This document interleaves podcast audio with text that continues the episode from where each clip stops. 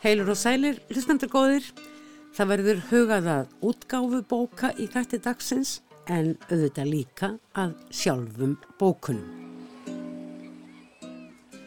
Í síðra hluta þáttarins verður öðru sinni rætt við ungan þískan höfund Mattias Jögler sem lofar stöðuleika hefbundunar útgáfu í heimalandi sínu og þá styrki og verðlun sem þíski rítöfundar hafa aðgang að.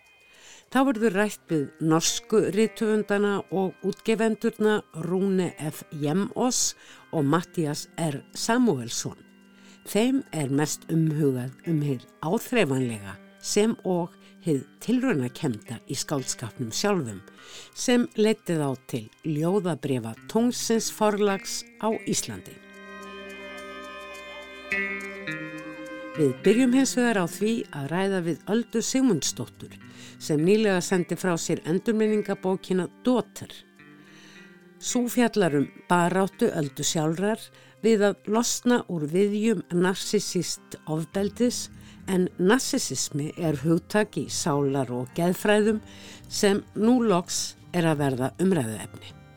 Við ræðum einnig um útgáfumál við Öldu sem hefur gefið út rúmlega tíu bækur og í því samhengi nýtt sér alla möguleika hennar stafrænu tækni, ekki síst í gegnum reysabóka fyrir tækið Amazon.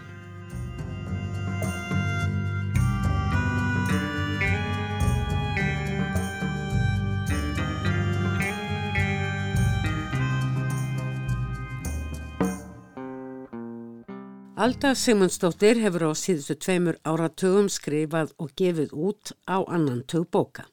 Þekktust er hún líklega fyrir hinnar svo kalluðu litlu bækur, The Little Books of, litlu bækurnar um þetta og hitt á Íslandi, hrunið, sérkennilega háttíðistaga, álfa og svo framvegis. Árið 2013 sendi alltaf svo frá sér skáldsöguna Unraveled, novella báta Meltdown, Rakið upp, Saga um hrun, Bækur sínar gefur alltaf út sjálf í eigin forlegi og á Amazon. En um það munum við örglega líka ræða hér á eftir. Fyrst og fremst er ég þó komin á fundaldu til að ræða við hana um nýjustu bók hennar, endurminninga og, já, heilunar bókina, Dóter. Alda, ég vil oskaði til hamming með þessa bók. Þetta er djörf bók og velgerð ekki alveg einföld aflestrar því þetta eru bara mjög stóri hlutir sem að þarna er fjallað um. Þetta er lífsaga þín, hlutafinni, afgerandi hluti sem þér augljóslega hefur þótt eiga erendi út fyrir þitt eigið líf. Segðu mér frá aðdraganda þess að þú skrifar og ákveður að gefa þessa bók út. Sko, ég einhvern veginn innan með mér alltaf haft þörf fyrir að segja þessa sögu. Og ég get sagt í það í fullri einlægni að ég hef oft reynd að losna undan þessari þörf.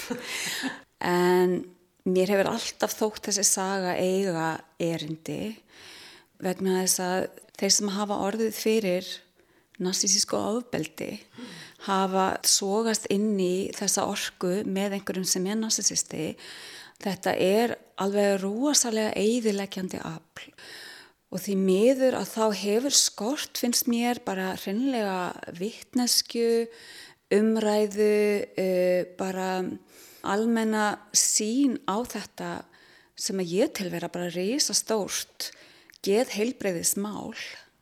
Við þekkjum náttúrulega hugtakið narsisisma en flest, að minnstakosti ég, tengi það miklu frekar góðsögunu um Narcissus og svo bókmæntalegum minnum sjálfsást og því um líku.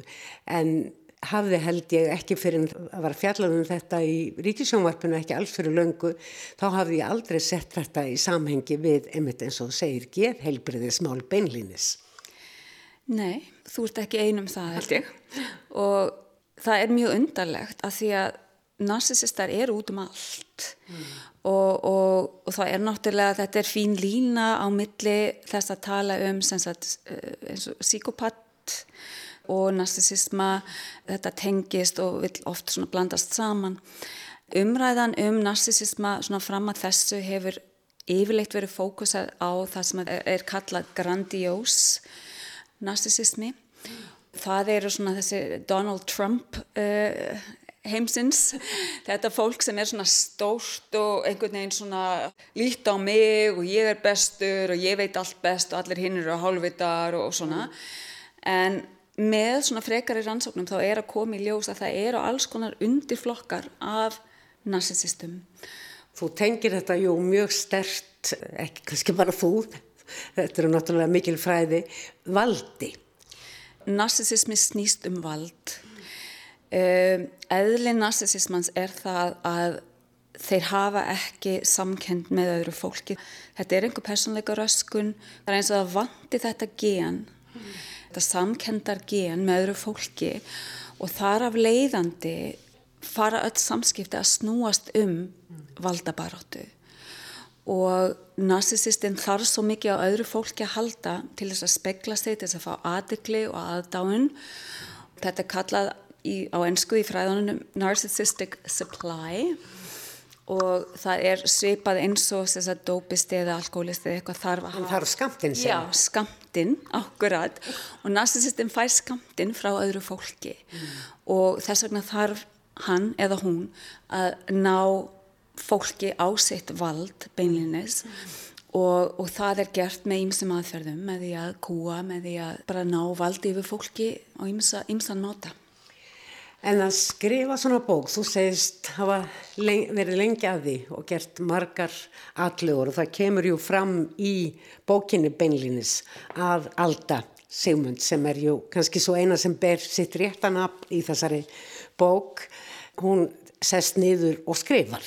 Þegar að sagt, hlutirnir verða þannig yfir þyrmandi í lífennar að hún þarf að koma einhverju reyðu á þá og þú ert með samtöl í bókinu, mjög sannfærandi samtöl sem ég ger ekki kannski ráð fyrir að þú munir svona frá orði til orðsheldur séu að sínuleiti eða ölluleiti skálduð, saman, dreyin.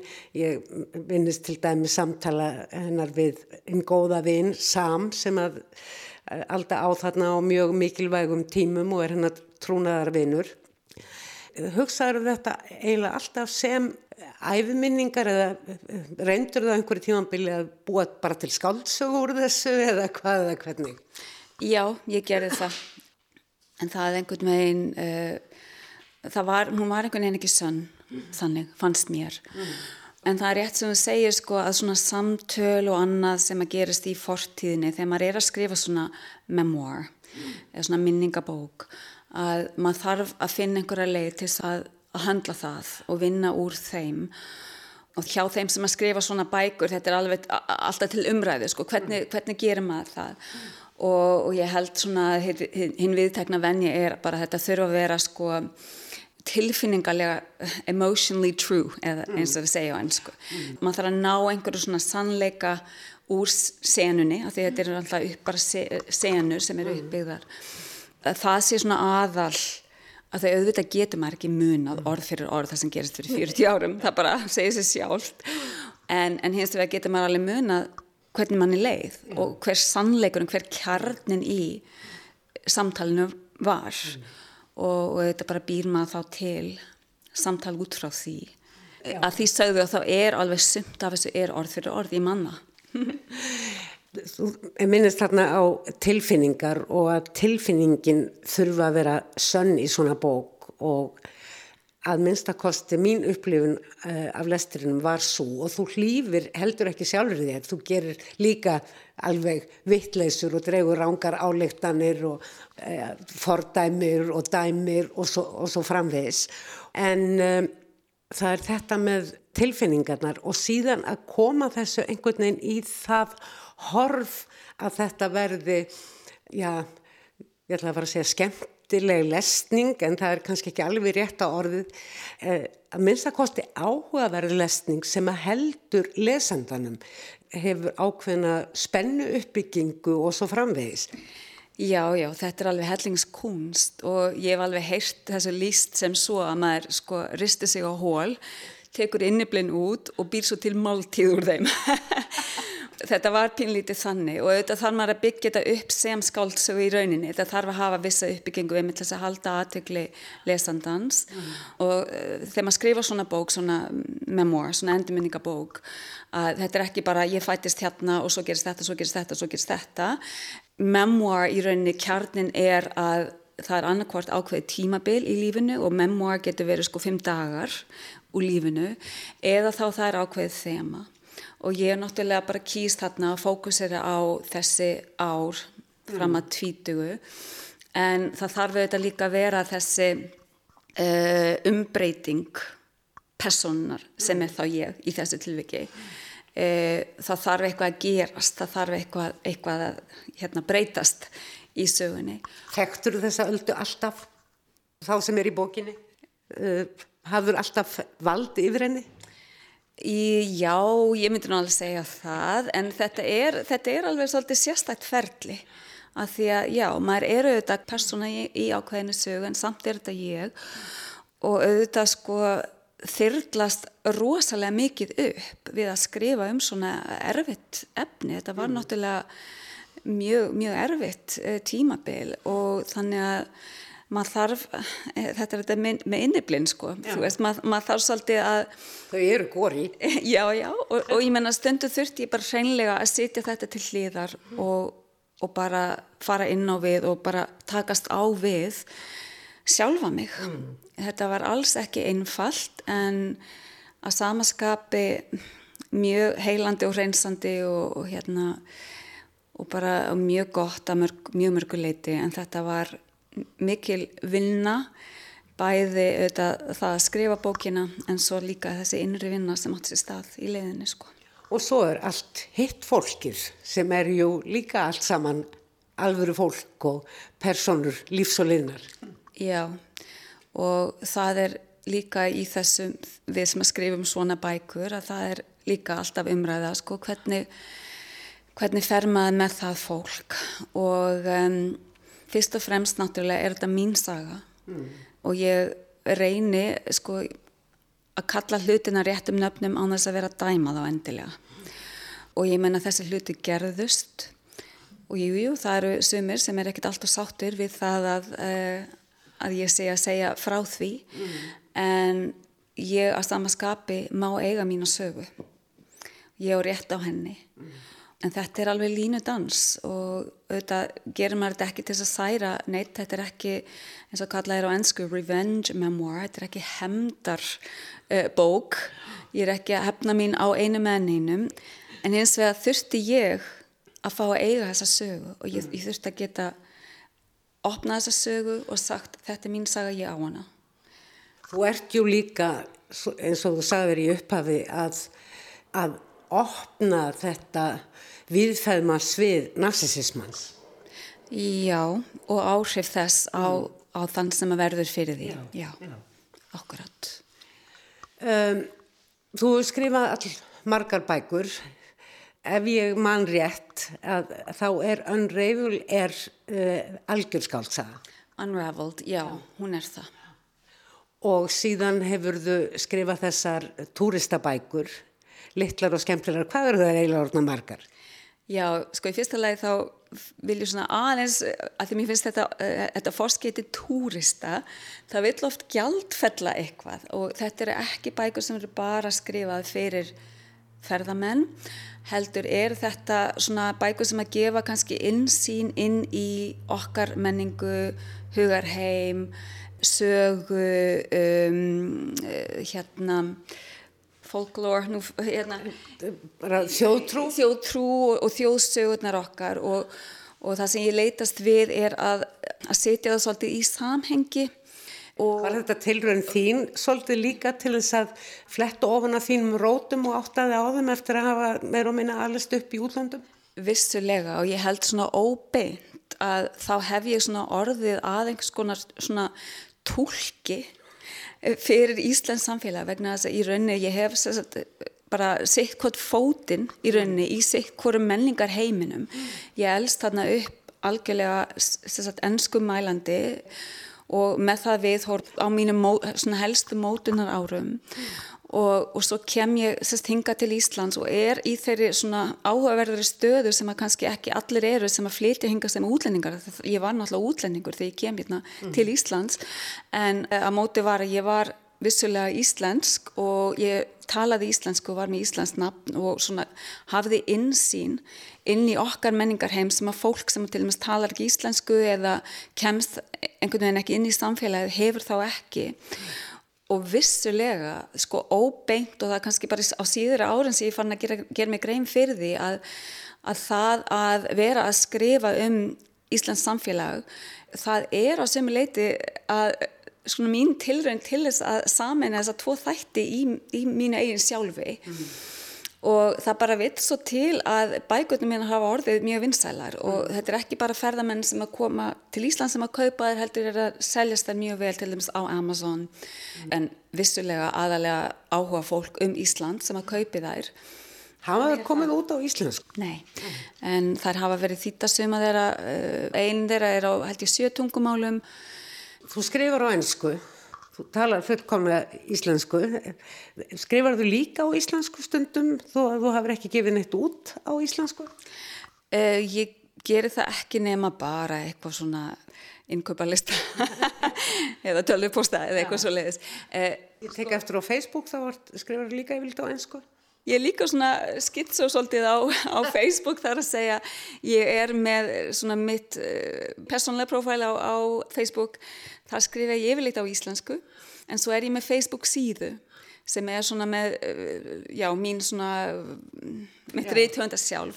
Og þar skrifa ég allt á ennsku vegna þess að þeir sem að fylgja mér á samfélagsmiðlum og lesa bækurna mínar, þetta eru náttúrulega langmest erlendir aðilar mm. og ég skrifa alveg, ég viðkenn það sko, ég skrifa fyrir þann hóp miklu frekar en fyrir Íslandinga mm. vegna þess að ég einhvern veginn hef orðið af þessum tólki en vissulega skrifa ég líka um alls konar hluti sem að Íslandingar hafa áhuga á og hafa kannski ekkit pælti og kannski lesa bækundum hinnar og, mm. og hafa þá samband að segja, veist, ég vissi þetta aldrei um okkar sögu eða okkar menningu eða eitthvað mm. Eh, ég lærði þjóðfræði þannig að, að það, ég nota það mjög mikið í, í bókunum mínum uh -huh. og eins og þegar fjallum álfastöðunar okkar þá er ég líka að fjalla um til dæmis fræðilega rannsóknir á álfastöðunum og hvað það segja um okkur Íslandinga bara sem eitt dæmi e, það er marga sögur um e, börn sem eru tekin af, af álfum og, og alin upp í álfheimum og svo stundum skilaði sér aftur í menn, mennska heima eða, eða ekki. Og fræðimenn í dag telja að þetta hafi verið okkar Íslandinga leið til þess að bara takast á við barnsmissi að þá sem sagt var þetta ein leið til þess að vinna úr sorginni. Það að trúa því að þeir væri sest farnir í álfheimana og væri þar. Frekar en náttúrulega barni hefði bara fallið honni uh, fljót eða uh, þú veist. Mm. Það er alls konar svona áhugaverðir punktar og það er þetta sem ég er að skrifa um í bókonum mínum. Mm. Littlu bókonum. Littlu bókonum mínum sem er orðin svona einhver ritröð og ég man ekki eins og hvað er margar, ég held að séu, held að séu tíu. En þín útgáfusaga er líka uh, svolítið sérstök. Þú leitaðir aldrei til útgefanda á Íslandi, þú leitaðir strax út í heim. Þetta eiginlega gerðist bara svolítið svona eðlilega, það er að segja, ég byrjaði að blokka uh, þegar allir voru að blokka hérna á árum áður kringum 2004-2005 eitthvað svolítið, það voru allir með bloggsíðu mm og þá byrja ég einmitt á þessu að skrifa um hvernig væri að búa á Íslandi og það, til dæmis í dag eru mjög margir að gera þetta á samfélagsmiðlum mm. en þarna var enginn og, og, hérna, og, og fólk svona elendis frá sem hafði áhuga á Íslandi var svona eitthvað aðeins að, að fylgja því og svona.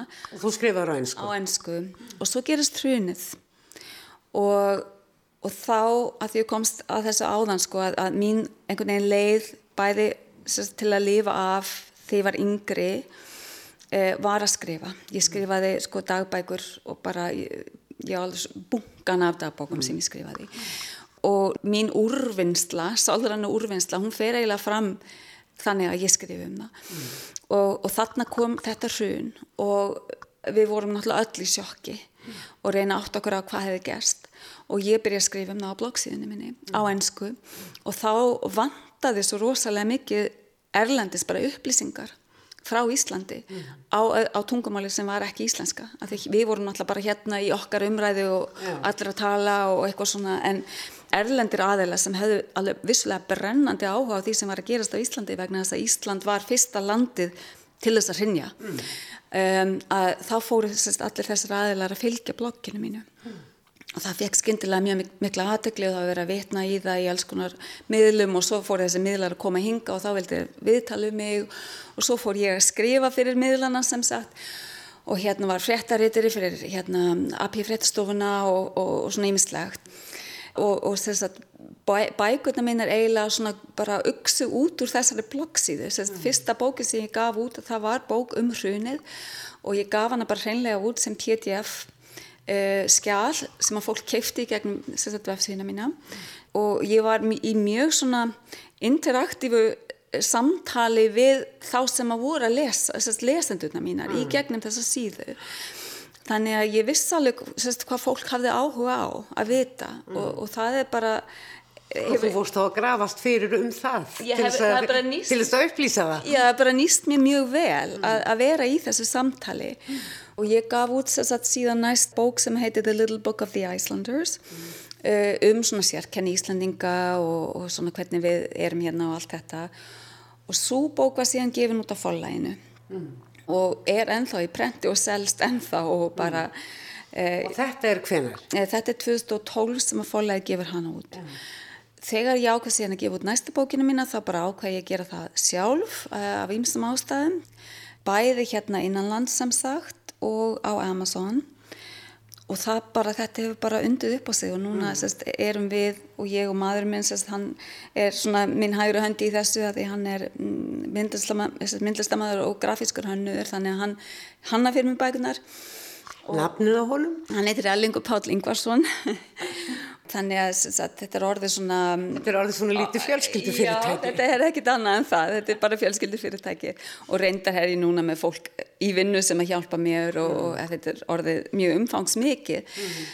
en svona sérst vatt þetta upp á sig og þessi útgáfi starfsemi hún er bara orðin mjög öflug og gengur alveg bara glimlandi vel Hvernig gengur þetta fyrir sig á Amazon? Sendur þar einhverjum rittstjóra handritið eða, eða ert í rauninni bara ein ábyrg fyrir öllu saman og fær bara að segja má svona ákveðin, ákveðin farveg?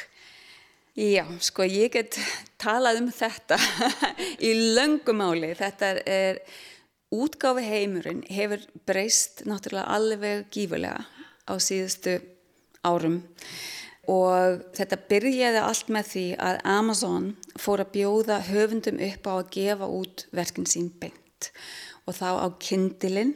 Þeir bjóða sem sagt höfundum upp á það að gefa út verkinn sín og það er engin rýðstjórið og þeir eru ekki útgefandin, þú ert útgefandin en þeir bjóða upp á það sem kalla plattformið sem sagt. Svona farveg. Farveginn, já. Og þetta var held í 2007 sem þau komið með kindilinn síðan hefur mjög margt, eh, mikið vatnrunni til sjávar mm. og, og þessi heimur hefur, þessi, þessi indi útgáfu heimur hefur þróast alveg gífulega. Mm. Næst bauð Amazon upp á sagt, að gefa út prentaða bækur og ég sagt, nýti mér það að ég gef út eh, eh, bækurna mína sem rafbækur, prentbækur og hljóðbækur. Mm -hmm og fólk heldur einmitt að þetta sé þannig að ég sé með bækur hérna og ég sendi þær til Amazon og, og þeir síðan dreifa þeim þarna úti en það er ekki þannig og það er heldur engin rítstjóri, ég gef út bara mín verk sjálf og, mm -hmm. og, mhm. og öllum er sagt, frjálst að gera það.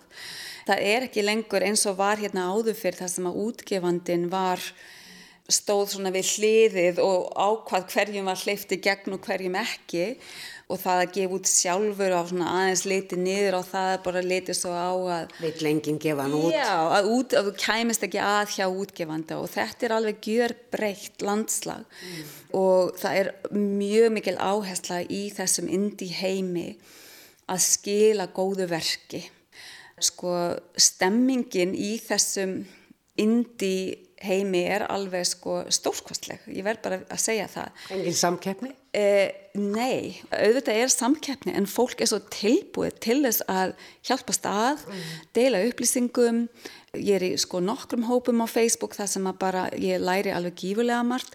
Þetta er orðið svo þróað að öll þessi þjónusta sem að útgáfa, útgáfu félag, fyrirtæki, þetta er þetta fyrirtæki, mm bjóða upp á er bara öllum aðgengilegt á netinu sem að vilja sækja það mm.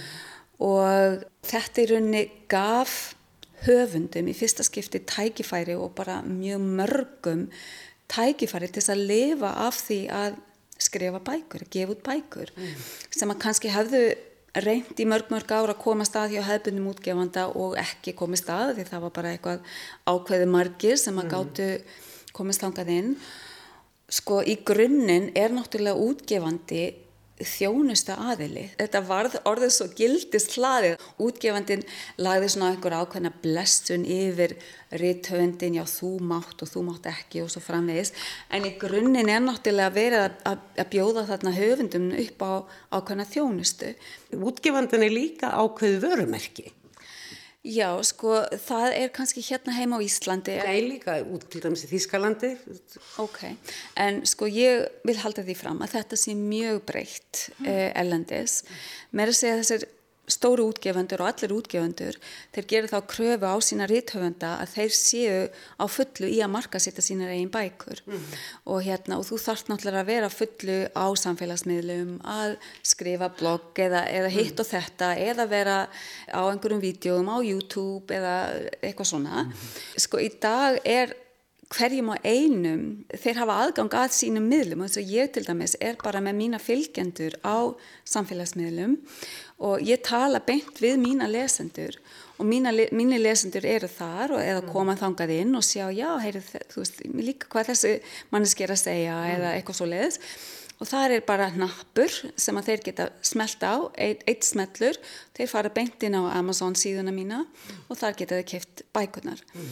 þannig að hérna í rauninni sko þá búið að taka út í mjög mörgum tilvikum bara þennan miðju aðila sem að var útgefandin sem að dreifði bókunum og, og allt þetta, ég meina þetta gerir til dæmis Amazon og ekki bara Amazon heldur það er margir, margir aðilar komnir inn í þetta. Svo er náttúrulega annar aðili sem er þarna einhverstaðar á leiðinni, bókabúðin. Já og það kannski er, það sem er erfiðast í þessu er að þessar netvestlanir, sérstaklega erundis, þær eru að að taka mjög mikið yfir. Þetta náttúrulega byggist líka allt upp á þessari print on demand tækni. Það sem að bækurnir eru prentaðar eftir þörfum. Þegar það eru pantaðar og þá eru það prentaðar. Og print on demand tækni var alltaf litið á sem freka léli. Hún er orðin mjög góð í dag. Og til dæmis bækurna mína hérna, þetta er allt print on demand. Mm. Amazon situr ekkert með bækur sem ég sendi þeim.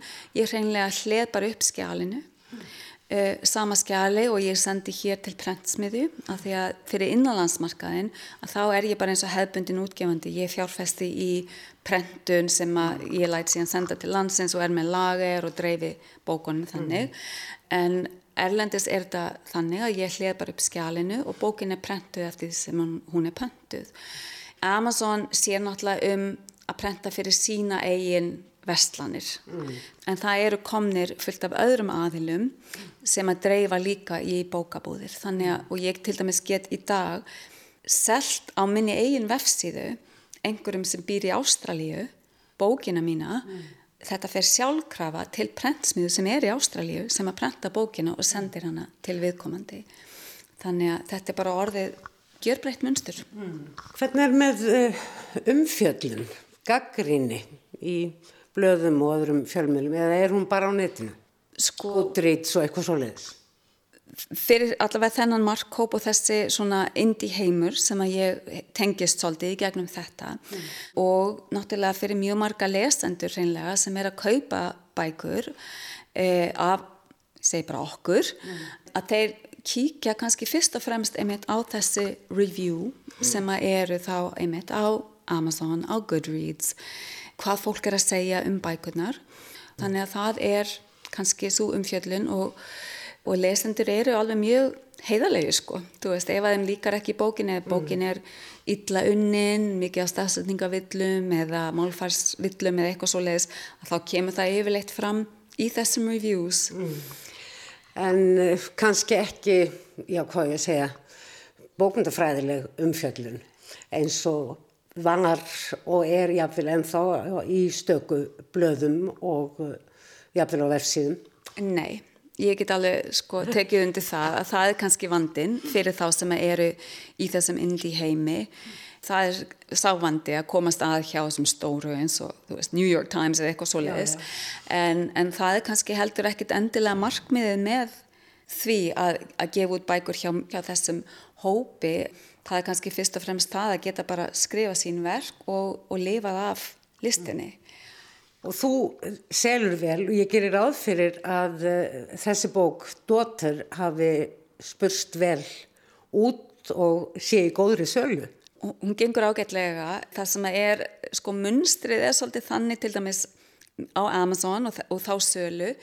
E, svolítið öðruvísi heldur en í þessum hefðbunna útgáfi heimi þegar bók kemur út og það er svona mikið fjallað um hana og hún selst langt mest fyrst og svo kannski bara droppar það algjörlega af Þarna getur hún verið í sölu endalaust og margar af mínum bókum hafa kannski byrjað hægt og farið síðan að seljast meira eftir því sem að umfjöldun eikst. Þannig að mm -hmm. það er svolítið öðruvísi heldur en við kannski... Í meira umtal og svo framvegs. Akkurat og það maður þarf svolítið að taka inn í myndina algoritman hjá Amazon eftir því sem að bókin fær fleiri review og, og, hérna, og meira umtal og er meira keift að þá er þessi Amazon algoritmi sínir bókina þá líka fleiri mögulegum kaupendum og, og svo framvegist. Þetta er alltaf öðruvísi uppbyggt. Á að geta þýðan á íslensku? Ég vona það. Ég er í þeim vandastödd að að því að ég skrifa bækurnar og gefa þær út, þá get ég ekki sótt um þannan þýðingastyrk. Sem að forlaugin geta sótt um að þýða úr erlendumáli yfir á íslensku þá er þetta svolítið mikil fjárfesting mm. uh, og áhætta. Markaðurinn lítill. Já, og þessi styrkur hann er mjög mikilvægur. Mm. Því miður að því að ég er að fá mjög marga fyrirspurnir nú þegar um þessa bók Ísland, frá Íslendingum sem að vilja fá hann á íslensku. Mm.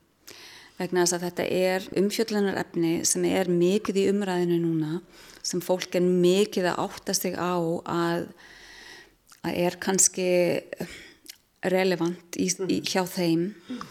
Og það er bara skortur á upplýsingum og upplifunum og um, um þessi mál. Þannig að ég veit að hún á mjög mikið erindi og ég myndi svo innilega gætna að vilja gefa hann út á íslensku ef það er einhver leið. Ég er bara sjá til. Það er svarið. Einmitt, þetta er sérstök bók og uh, hún hefur sterk áhrif á mann og veku mann til umhugsunar um ímislegt í manns eigin umhverfi og yfir höfuð. Og eh, ég held að þú hafið náð að sanna það að þessi þín saga á erendi út fyrir þinn eigin ring. Já, þakkaði fyrir það og það held ég sé líka gullna reglan þegar maður er að skrifa svona memoirbók. Hún þarf að eiga erendi og það hefur engin áhuga á minni sögu, á minni eigi nafla skoðun nema þau getur tengt að við sitt eigi líf og það var auðvitað líka það sem ég lagði upp með þetta er saga svo margra Einmitt, til hamingu og yfir höfuð til hamingu með þessa miklu virkni, rítöfundur, útgefandi, dreifingaraðili og svo framvegis sem heldur utanum alla fræði. Þetta er merkilegt og gaman að heyra af þessum aðstæðum bókaútgáfu viðsvegar um heiminn. Takk fyrir þetta, Aldar Simonsdóttir. Takk fyrir mig. Takk.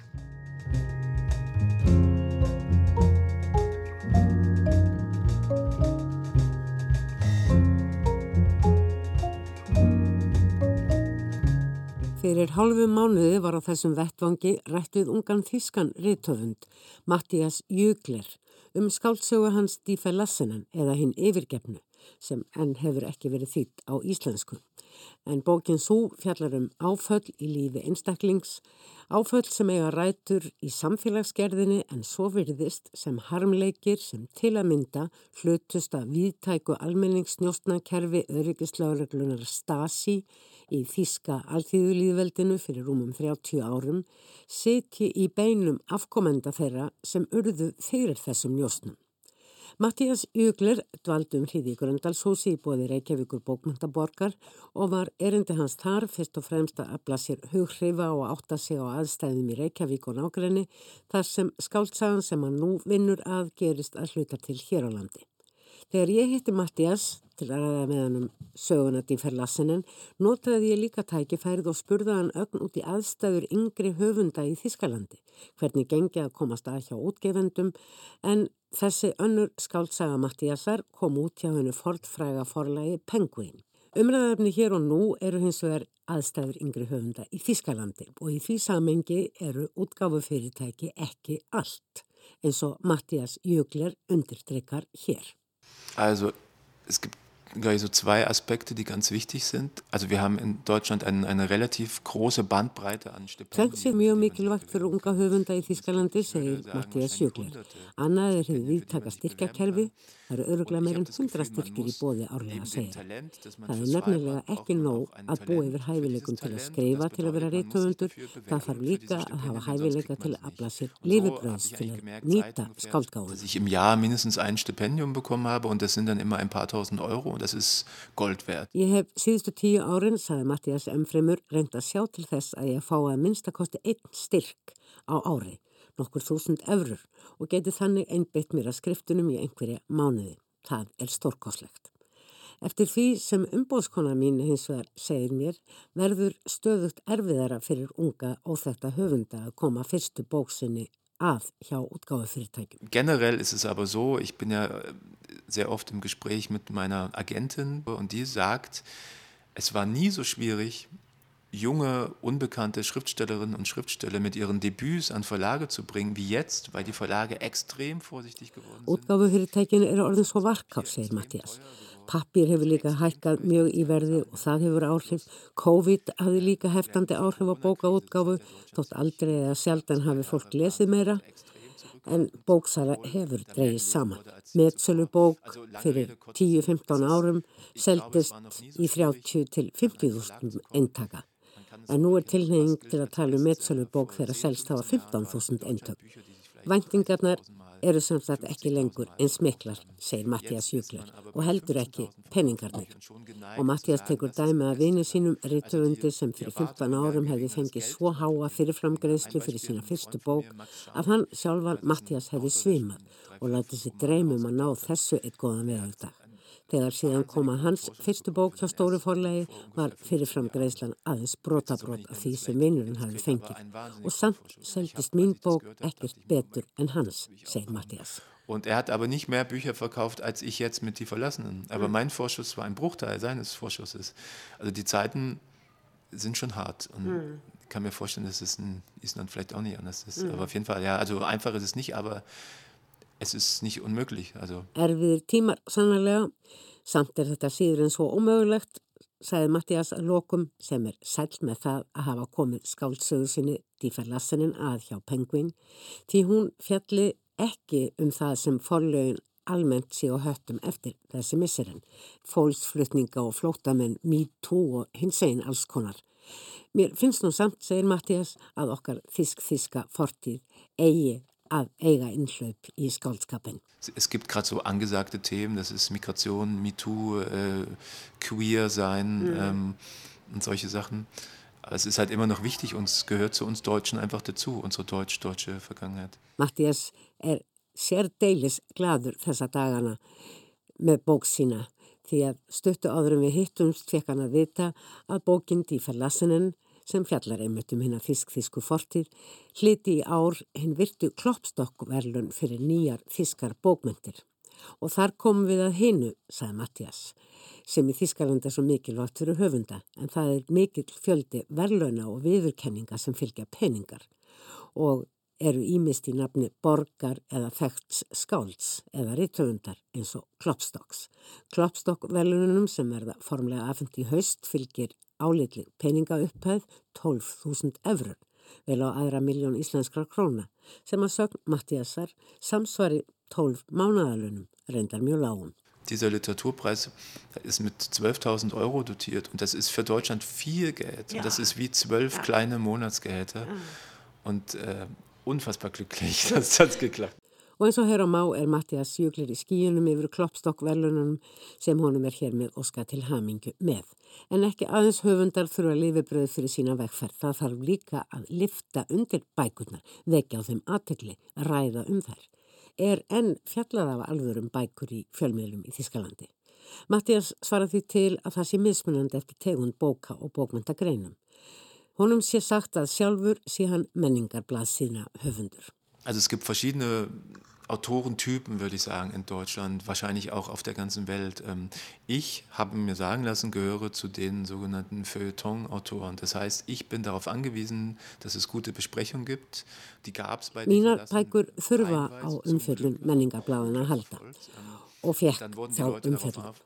og seldist ágætlega, segir Mattias. Höfundar glæpa og hryllingsagna eru ekki eins háður slíkur. Fólk þekkir þær sögur fyrir bókabúð og kippir með sér nokkum í sumarfrið. Dífur Lassanen hefði meira sig að fengi lossanlega dóma í Playboy, segir Mattias.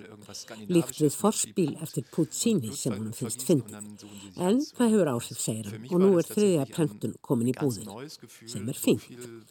Hann njótið þessi botna fylgja bókina eftir, en nú tveimur árum eftir að hún kom út sé reyndar að hæja stund. Sei wie, eine, wie ein Präludium von Puccini, präzise und ach, ich dachte mir, naja, ja, das war großartig und das hat auch eigentlich alle Erwartungen, die der Verlag auch und ich hatte, ist jetzt gerade auch mit Norwegen in Verhandlungen, dass das Buch auf, vielleicht auf Norwegisch erscheint.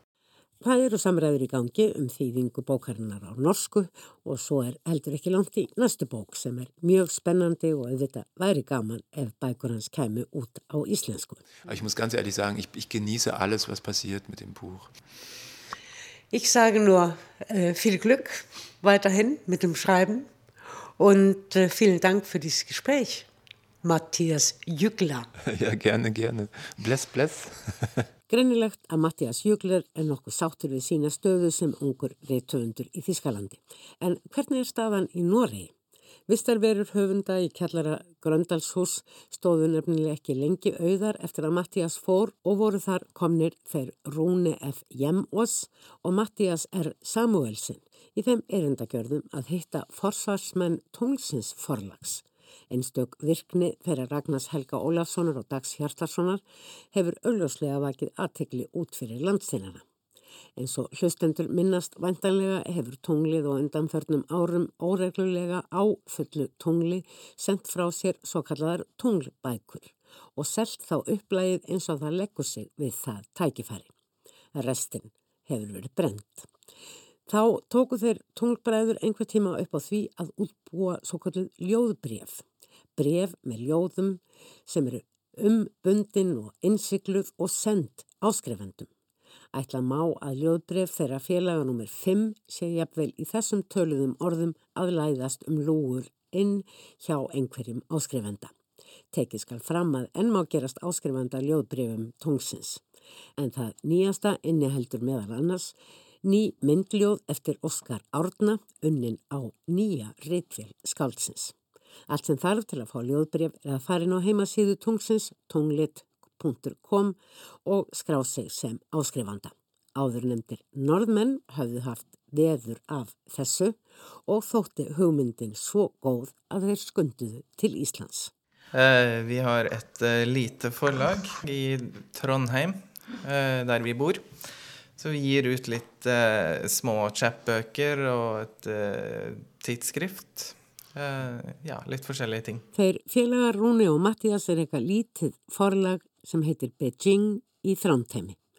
Þeir gefu tímaritt og bækur af ólíkum toga og þeir halda ekki félagarnir að þeir höfundar sem þeir gefa út eða byrta efni eftir í tímariti sínu séu þekktir hér á landi. Jeg regner med at det er litt som i Ísland som i Norge, at man kjenner de mest kjente.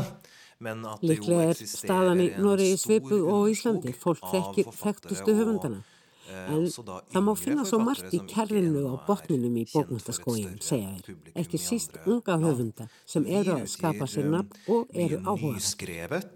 Poesi og Útgáfubækur Beijing forlagsins í þrándheimi eru mest ljóð, segjaður félagar, stuttir prósar og novellur, en líka nýjar þýðingar og þar liggur tengingin við tunglið. Prosjektet eh, kommer inn som vi samarbeider med tunglid. Ja, eh, vi eh, fikk se et, et spesielt format som Tunglid har utvikla. Okkur var sínt fyrirbærið ljóðbreyf, segja þér og við sáum þar strax leika á borði að koma á ljóðbrefa skiptum millir Noregs og Íslands. Vårt prosjekt er å eh, lage en tilsvarende utgivelse med norske poeter som blir eh, gjendiktet til islandsk. Så skal vi liksom sende det mellom hverandre da, fra de to landene. Þeir Rúni og Mattias hjá Beijing forlegin í þrántemi voru svo hefnir að fá stuðning frá samnorranum menningastofnunum og frá Reykjavík bókmyndaborg til að starta verkefni sínu. Eh, vi var heldige nok til at vi fikk eh, støtte til å gjøre dette prosjektet av, eh, av Norsk kulturråd, Nordisk kulturkontakt og Svo hefði þetta heldur ekki verið hægt nema fyrir samvinnu við Kristján Breiðfjörð sem er til háls norskur og íslenskur og hefur stundar það að þýða íslensk ljóð yfir á norsku. Við fengum svo leiði hjá tunglinu til að kópjera ljóðbrefshugmyndin og í næsta ljóðbrefi hjá þeim, í sjötta líklega, verður einn síða með ljóðum eftir ung norsk skál endurort á íslensku. Síðar mun svo berast bref frá Íslandi til Noregs með ljóðum et konsept á norsk. Og det første som skjer er at vi får uh, en, av, uh, en av sidene i Tunglids neste uh, poesibrev. Og der skal vi da ha norske unge poeter.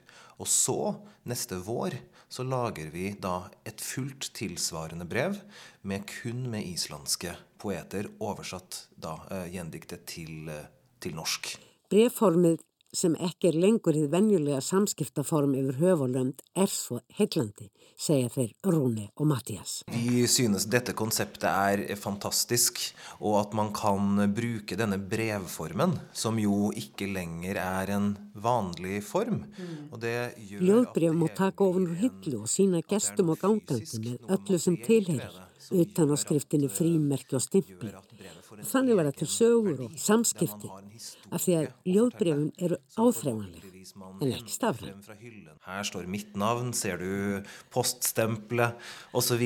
Dette er jo en, en del av, altså av, dette prosjektet som vi syns er så flott, at man tar noe tilbake til denne mellommenneskelige mm. kontakten. At akkurat det at det ikke er digitalt. Þýðandin Kristján Breiðfjör hefur aðstofað þá félaga við að velja skaldinn og líklega þá ljóðin líka sem síðan eiga eftir að berast í ljóðbrefinu sem sendt verður frá Íslandi til Noregs. Og það eru enn að bætast skald á listan því þeim félögum er umhugað um breyttina í íslenskri ljóðlist einmitt núna. Ja, vi har med hjelp da fra Kristian Breifjord og, eh, og litt tips og, og, råd fra forskjellige steder, så har vi laget en liste. Og vi tenker at det kanskje kan komme til et par ekstra navn på den listen. Men dette er eh, Målet er at det skal gi et litt bredt uh, inntrykk av det som foregår på islandsk poesi akkurat nå. Þess má geta að í fyrra kom út í Noregi tvekjabindaverk Prólog på júren, formáli á jörðu með þýðingum Kristjáns Breiðfjörðs á ljóðum fyrstu nútímaskaldana. Allt frá Jóhanni Sigurjónsinn og fram til atomskaldana eins og Stein Steinars og allra hinna. Þeir Rúna og Mattías segja þessar bækur mjög fínar fyrir sinn sögulega hatt. Þeir séu hins vegar á höttum eftir ungum röttum sem séu að gera sig gildandi einmitt núna. Í íslenska ljóðbrifinu verði væntanlega þýðingar á ljóðum fjóra eða kannski fimm norskra skálda. Íslensku ljóðin sem þýtt verða yfir á norsku verða hins vegar eftir fleiri höfunda. Vi tenker nok at uh, vi skal, hva, vi har sagt fire eller fem norske eh, oversatt til Við viljum að þetta séu virkskáld, segja við Rúni og Mattias, því við viljum gætnan að þessu samskipti haldi áfram. Þeir segast hæst ánæðir með að vera í Gröndalshúsi og hafi þegar náð ágættu sambandi við íslenska ljóðarsinu sem síni verkefninu áhuga.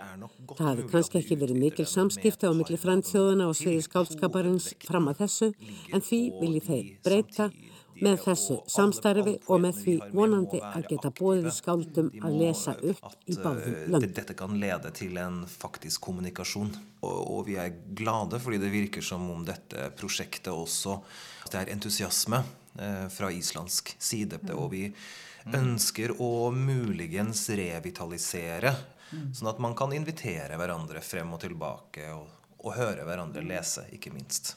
Þeir Rúni og Mattias segja umfjöldunarefni skáldskaparins núna á Íslandi og í Nóriði eftir því sem þeir upplifiða áþekk. Jeg tror vi ser noe av de samme trendene. Og noe av de samme måtene og noe av den samme tematikken.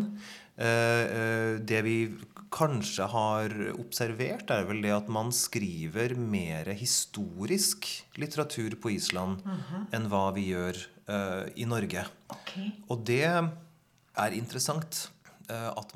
Sögulegur skáldskapur er kannski meira ábyrrandi á Íslandi segja en umfellunarefnin séu hér eins og í Nóri líka einsend að vera utangarðs og vannlíðan manneskunar. Þeir afsaka sig um leið því þeir hafi jú bara verið hér í viku þannig að þeir eigi örglega eftir að kynnast mörgu í ljólistinni. Þrámteimur sé um það byl Japstór Borg og Reykjavík bætaði svo við að lókum og þeir sjáu margt kunnulegt í ljóðarsenunni sjálfri, útgáfinni og millunarleginu. De litterære miljøene er kanskje litt av samme størrelse og eh, man har litt samme typene eh, måte å, å, formidle poesi og men, mm. eh, men, vi er også nysgjerrige på å lære mer. Eh, vi har jo bare vært her en uke nå, så så det er på en måte begynnelsen, og så mm. skal vi jobbe videre med å bli enda bedre kjent med mm.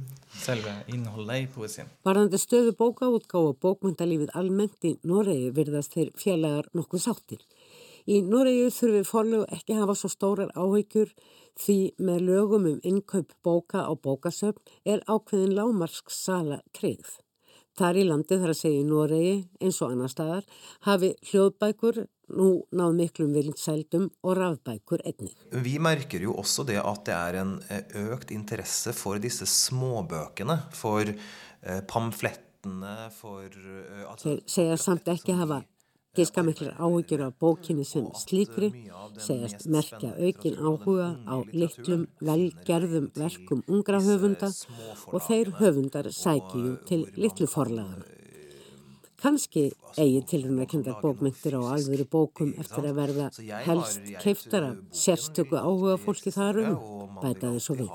Erfitt að segja. Men uh, kanskje kan boken i fremtiden bli et litt mer uh, for spesielt interesserte. Jeg vet ikke. Það er ljóst að svo lítið forlag sem Beijing hefur ekki mikið fjárhagslegt bólmagn og höfundar sem þar gefa út ber ekki mikið úr bítum fjárhagslega. Með útgáfi hjá litlum forlögum tekst höfundum hins vegar að vekja á sér aðtekli og þeir komast þá oft síðar að hjá þeim stóru og það finnst þeim félögum Rúni og Mattiasi ánægum. Vi som et lite forlag, vi er ikke i stand til å understøtte noen økonomisk. Og þeir halda áfram og segja að leiðin líki reyndar í báðaraftir því höfundar sem hafa verið lengi hjá stórum forlögum snúi oft tilbaka til fyrir litlu, sjáu þar önnur tækifæri aðrar aðferðir til framgangsverka sinna. Med å starte noe, hadde behov for å komme til et mindre forlag for å arbeide på en annen måte. Så dette går begge veiene, tenker vi da. Þeir sem leggja sig eftir að starra ekki lítil forlag græða vissuleg ekki á forlaginu sínu, segja þeir félagar. Þetta er Kellegs starfsemi og hvort þeir fái laun í öðrum heimi, það er eftir að sína sig. Dette er et kjærlighetsarbeid, eh, rett og slett. Og, og, eh, og, om vi får lønn eh, i det hinsidige eller ikke, det vil vise seg. Bæði Rúni og Mattias eru eins og svo margir sem starfrækja lítil forlug sjálfur skáld og höfundar. og þeir hafi lífsviðurværi sitt af því að hluta en þurfi líka að sinna margvíslegum öðrum störfum eins og kennslu, fræðistörfum, fyrirlestrahaldi, skipulagningu, háttíða og svo framvegs. Eh, både Rune og jeg har egne forfatterskap, mm. og vi har andre jobber. Jeg eh, skriver nå... Það er um að gera að hafa nokkur jobb, segja þeir skáldfélagar Rúni E. Jemós og Mattias R. Samuelsson sem þátturinn orðin bækur Óskar allsins besta í ljóð samfunnuverkefni Tungsins og forlagsins þeirra Beijing som òg øremerker. Mange jobber. Mange jobber ved siden av. Mange jobber med siden av, man vet aldri. Mange, mange takk og hell og lykke, som de sier på dansk, med ja, ja. hele prosjektet. Ja, takk for dere. takk, takk. Fleiri verða orðum bækur ekki að þessu sinni, tæknimaður þessa þáttar var Jón Þór Helgason, honum er þökkuð samvinnan og ykkur hlustendur góðir þakka ég samveruna. Verði sæl.